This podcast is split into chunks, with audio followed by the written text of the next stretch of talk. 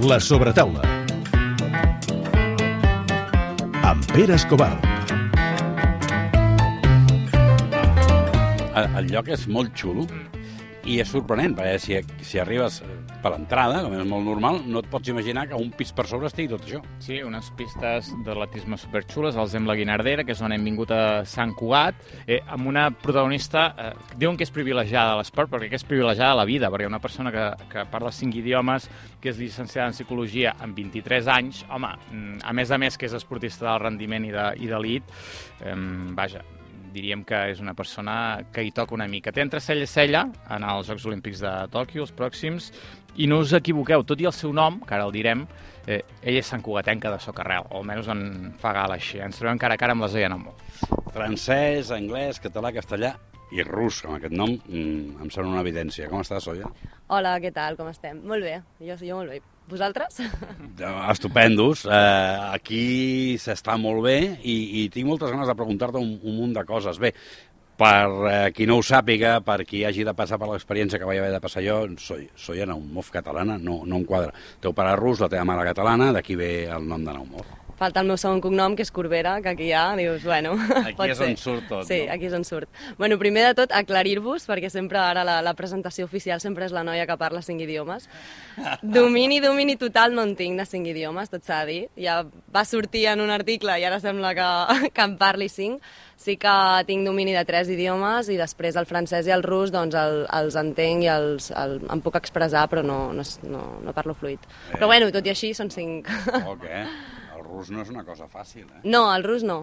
Això sí, és una... Bueno, jo el trobo més fàcil, suposo que perquè doncs, he nascut, no?, rodejada de, de la sonoritat, de les expressions, i sí que en- entendre'l més fàcil. Parlar-lo ja és un següent pas, has de posar-li pràctica com, com a qualsevol idioma i com a qualsevol cosa al final, no? Has dit que passaves per un mal moment, ens has dit just abans de començar que t'havien d'operar. Sí, bueno, un- jo intento donar-li no, la volta a un mal moment, bueno, un moment difícil. Al sí, final... per un, entrena... per un Sí, sí, per un- és normal. Sí, sí, sí.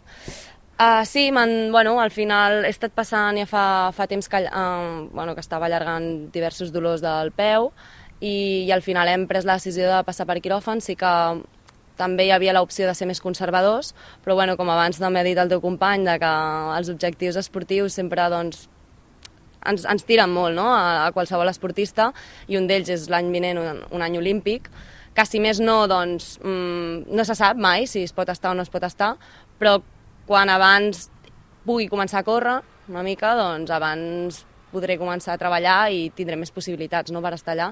Llavors, una mica l'operació ha sigut una decisió de, no, no, no anticipada, tampoc, però sí per, per partir de zero, no? I, i per mi ha sigut un, un, un alliberament. O sigui, per, per una part diries la lesió és, uh, clar, estar, passar per un quiròfan no és una cosa que, que vingui de gust, però per mi ha sigut un, un punt d'inici, no? Per mi des d'aquell dia hi haurà un, un, compte enrere, perquè ja porto molt de temps arrossegant diversos dolors i els últims que m'han aparegut ha sigut conseqüència d'això, una petita ruptura, de, ruptura del, del tendó. Del... Clar, no corres igual, carregues diferent, etc etc etc. I això ho complica tot. Sí. D'aquesta manera arrenques de zero. De tota Exacte. manera, tu ets molt jove, Mhm. tens 23 anys, eh, aspecte molt eslau, eh? ulls blaus, rosa, que fas patir pel sol i tot. Sembles un, una guiri. Eh, Sí, sí, sí. Sempre em parlen en anglès quan vaig per, per la Barceloneta. Eh, eh. No els culpo, eh, tampoc, és normal. Però tot i aquesta joventut, Mm. tu tens molta experiència, perquè no, no, no és ben bé lesions, però en passar-ho malament físicament, perquè tu vas passar una mononucleosi que fins a que no vas saber què era això, eh, ho vas passar fatal. Sí, va ser... Bueno, tampoc m'agrada ser víctima perquè penso que tothom té el, els, No, seus, no. els seus entrebancs, eh? Esclar, Però, però sí, bueno, van ser uns anys molt durs, sobretot quan, quan passes per molts metges, no acabes de trobar, de trobar què és, tu saps que hi ha alguna cosa al teu cos que no està funcionant i al final et comences a plantejar que és psicològic. I aquí és on, jo crec que és on, on pateixes més, no? Quan dius, ostres, no... És que m'ho estic, estic generant jo, tot això? Que el meu cos no funcioni, que cada cop que, que estic en forma caigui malalta, quan m'exposo doncs, a aires acondicionats o a l'hivern doncs, si estàs a una terrassa, ho estic fent jo, tot això, m'hauria de cuidar més quan creus que ja et cuides al màxim. I bueno, i va ser, bueno, jo, va, ser, va ser un punt límit al que vaig arribar i per sort doncs això sempre explico el mateix, no? que vaig conèixer la persona adequada en el moment adequat i, i a nivell de salut la veritat és que he fet un canvi i, i m'ho he notat també a la pista, m'ho he notat a la pista. Has canviat menjars i això o no, no fet No, no, únicament vaig seguir un, un tractament bueno, homeopàtic en el cas de la mononucleosis i també a part de la mononucleosis tenia un altre virus que és el respiratori sincitial que és molt freqüent en nens i no tant en adults però en el meu cas doncs, per això no me'l de, tampoc me'l detectaven, exacte, perquè no, diguem que no el, no el visualit, no tenien en compte, no? I, i per aquests dos tractaments de virus he, he passat per, per això, per homeopatia, i després sí que vaig fer una, bueno, un, un altre tractament durant tres mesos, tot amb productes naturals, sobretot basada en la flora intestinal, perquè els intestins són el, el segon cervell del cos. I també és un, bueno, és un aparell que està molt poc estudiat, i en el meu cas, per exemple, i cada cop que m'estic coneixent més, l'esport no només t'ajuda a agafar doncs, um, un, una perseverància, un esforç, un, una organització, unes pautes de vida, sinó que aprens molt del teu cos que trobo que en general estem molt desconnectats. I jo estic aprenent que els intestins són una part fonamental on el, el meu cap dona molta resposta a través dels intestins. Has parlat del segon cervell quan parlaves dels intestins, mm. però a tu el que t'interessa de veritat és el primer, perquè has fet psicologia i l'has acabada. Bueno, estan relacionats, d'aquí vaig, sí, sí. Uh, justament, clar, bé, té molt a veure amb, amb la meva professió, bueno, amb la meva futura professió, perquè ara mateix per mi la prioritat és, és l'atletisme, però, però sí, bàsicament, bueno, és que està, està molt vinculat quan dius, sí, jo em centro en el, en, el, en el cervell com a tal, però és que està tot vinculat, està tot vinculat. Sí que és veritat que, que depèn dels hàbits que tu, que tu creïs, de, tant de pensament com d'acció, després el teu cos la, el, el reaccionarà d'una manera o d'una altra, vull dir, està claríssim. Tu, de fet, arribes al, al, al, a l'esport d'èlit mm. pràcticament de casualitat, perquè el, el teu col·le feien un cross l'any i el guanyava sempre. Sí, sí. Sí, bàsicament, bueno, jo venia ja a fer tennis i llavors, doncs, bueno... I jugaves bé el tennis o què? No se'm donava malament, però t'he de dir que m'agradava molt més la part, la part de, de preparació física. M'agradava més i després el tennis, bueno, tècnicament no era dolenta, però jo crec que a la llarga m'hagués faltat la força. Vull dir, si mires a les tenistes, totes són metre 80, tenen uns braços... Per tant, el que dèiem de quan et, et comences a dedicar més a l'esport de competició o del rendiment, que la genètica et va classificant, doncs a mi jo crec que la genètica em va anar classificant en aquest aspecte i després també em vaig adonar que això, la preparació física era el que m'agradava més. I arrel de començar a córrer els crossos, doncs també ja en, em, va, bueno, em va veure un, un exatleta que, que també era entrenador del Sabadell en aquell moment. No, el Juan Carlos no l'havia conegut encara. La persona que estava vinculada era el José Pro, que bueno, és de l'antiga escola de tota l'època del Molins i gent del, del Sabadell. I va ser els meus dos primers anys, però jo ja feia crossos només. I quan ja vaig aprendre, jo ho dic sempre, qui m'ha ensenyat l'atletisme i, i qui m'ha fet agafar l'amor per aquest esport és, és el Club Muntanyenc de Sant Cugat.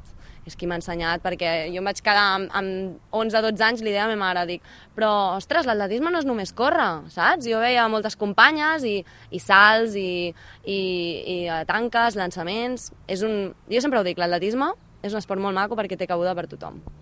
Té cabuda per qualsevol tipus de, de perfil genètic i, i crec que no sé, és, una, és la base també per ser bo en qualsevol altre esport.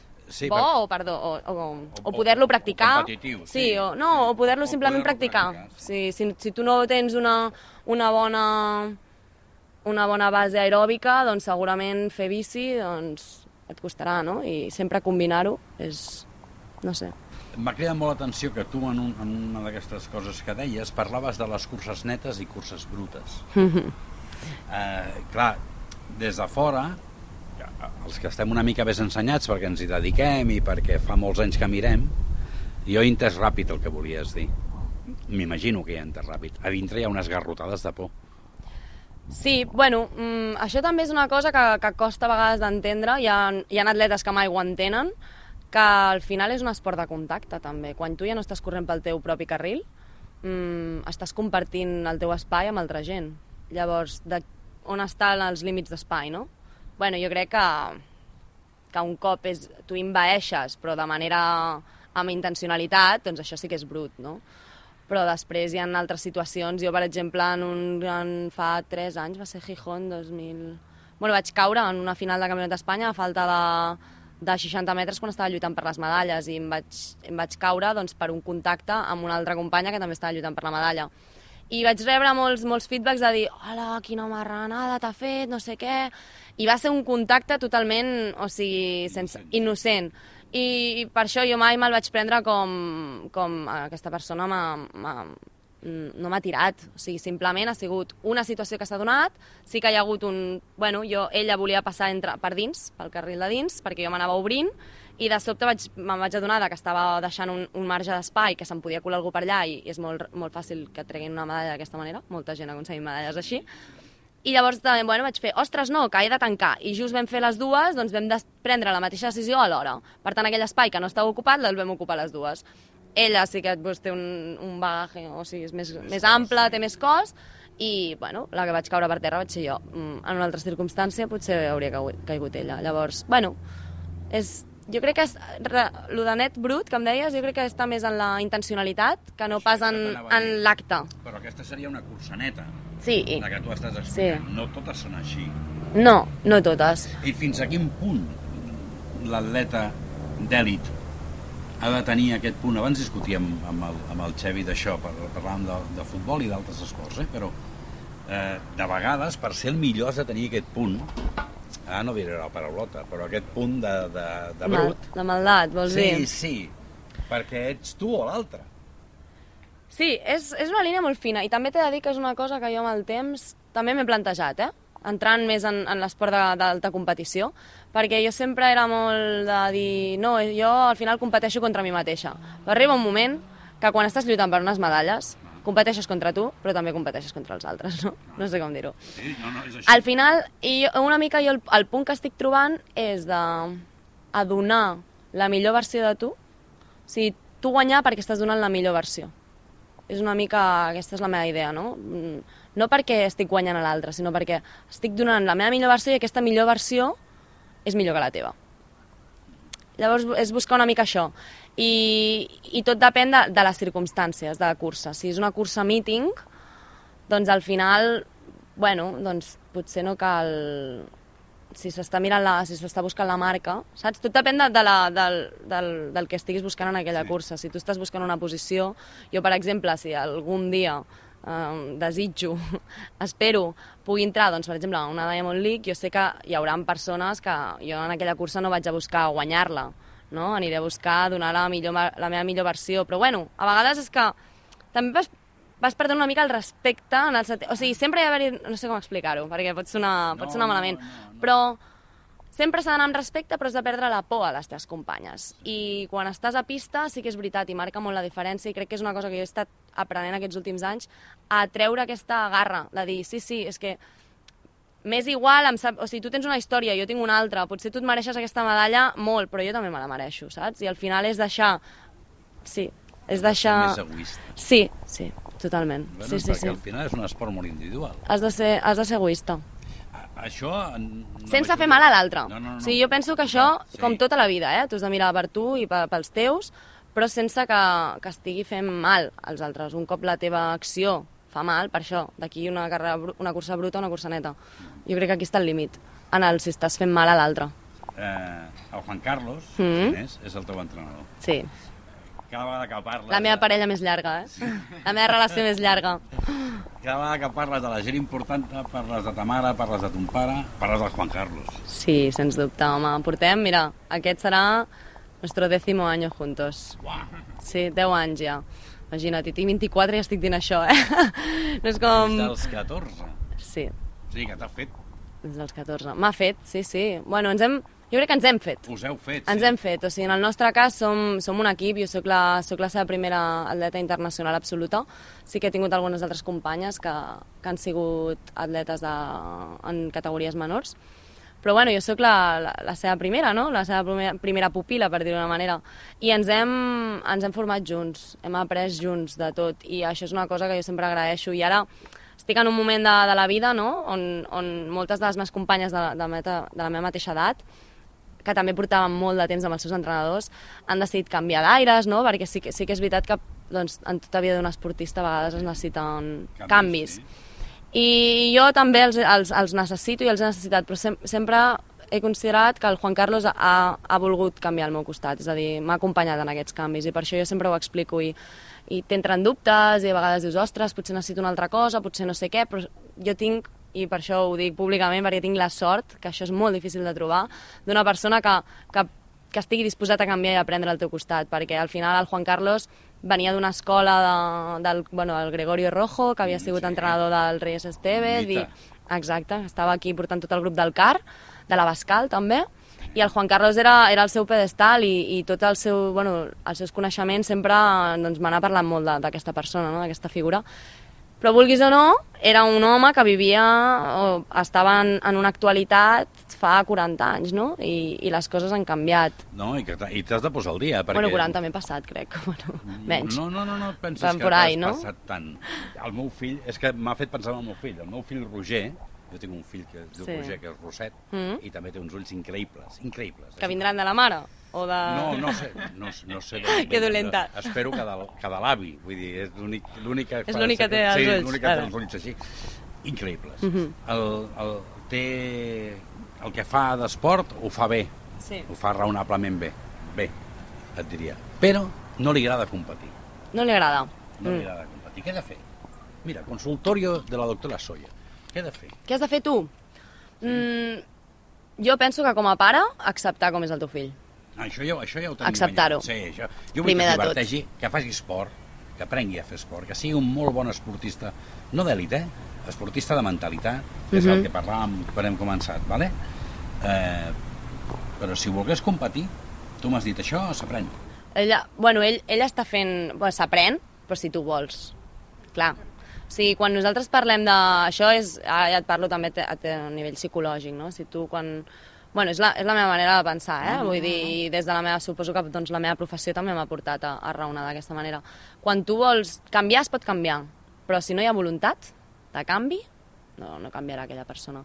Per tant, tu em preguntes, es pot aprendre? Sí, tu el pots encoratjar, el, li pots donar eines perquè ell busqui aquesta voluntat i un cop tingui la voluntat ho posi, ho, ho faci i ho canvi, no? I li posi ganes. Però si el teu fill no té la voluntat, i, i no és dolent, no és No, dolent, no, tampoc no. penso que tothom estigui fet per, No, per no, competir. No, però ta- tampoc és dolent La di fer-ho. no, la diversitat és bona. Vull dir... Llavors, jo l'únic que et diria, com a consell, buscar estímuls que l'encoratgin a, a, a crear aquesta voluntat de competir. Per exemple, no sé quin esport fa. Ara juga a tenis. Abans Juga a tenis. futbol. Doncs mira, doncs a nivell al tennis, doncs potser doncs, anar a veure més partits. No sé, per exemple. O, o parlant, buscant-li, doncs, passar-li notícies de, de tenistes, de coses que pugui veure que atrauen a la vida, no? Un, un tenista parlant de, doncs, de totes les coses que li aporta la, la competició, que no només és guanyar, sinó doncs, això, viatjar, eh, conèixer gent... Mm.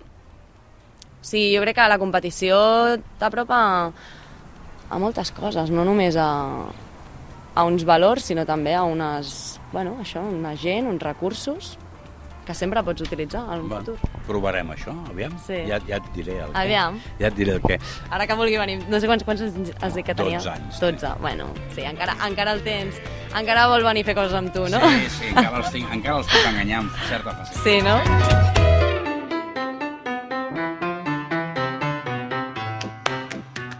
Has vist, ja ha passat. Tanta tan amoïnar-te No, de no. preguntaria... No estava amoïnada. No estava... Oh, falsa la tia. No estava amoïnada. Bueno, has vist? Impressionant. Abans de començar ens ha demanat però de què anirà l'entrevista això? Però no, però no està amoïnada. Ara li passes el platet perquè ha aprofitat l'entrevista per fer-te una consulta de psicologia, com ho ha d'encarar amb els seus nens i tal. Molt bé, Pere, aprofitant... No s'ha notat. Aprofi- oh, Ostres, si s'ha notat, ho estic dient i ho sabrà tothom.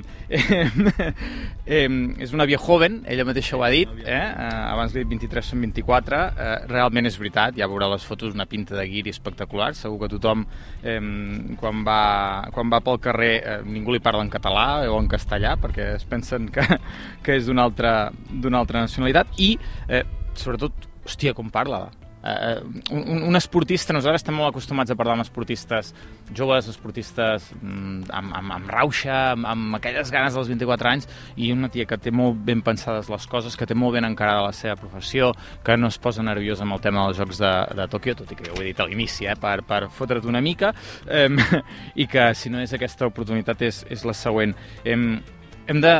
O sigui, nosaltres abans de venir aquí hem anat a fer un cafè i estàvem parlant de, precisament de dues coses que ens han ajudat en aquesta, en aquesta conversa, de com els esportistes d'elit posaven altres exemples, eh? Alejandro Valverde en ciclisme i tal, han de ser una mica fills de, mm, ja m'enteneu, per, per ser els millors, o, o com s'ha de ser competitiu, si és un gen o no, i avui, més que, més que una entrevista a un atleta que l'hem feta, eh, hem, sí, hem, hem, fet una, hem, hem après molt de tots els dubtes que teníem fa una hora. Doncs, Oia, moltíssimes gràcies. Cuida't molt. El llibre que estàs llegint és molt bo. Gràcies. Eh, els altres dos que cita el Pàjaro són molt bons. Moltes gràcies. Gràcies.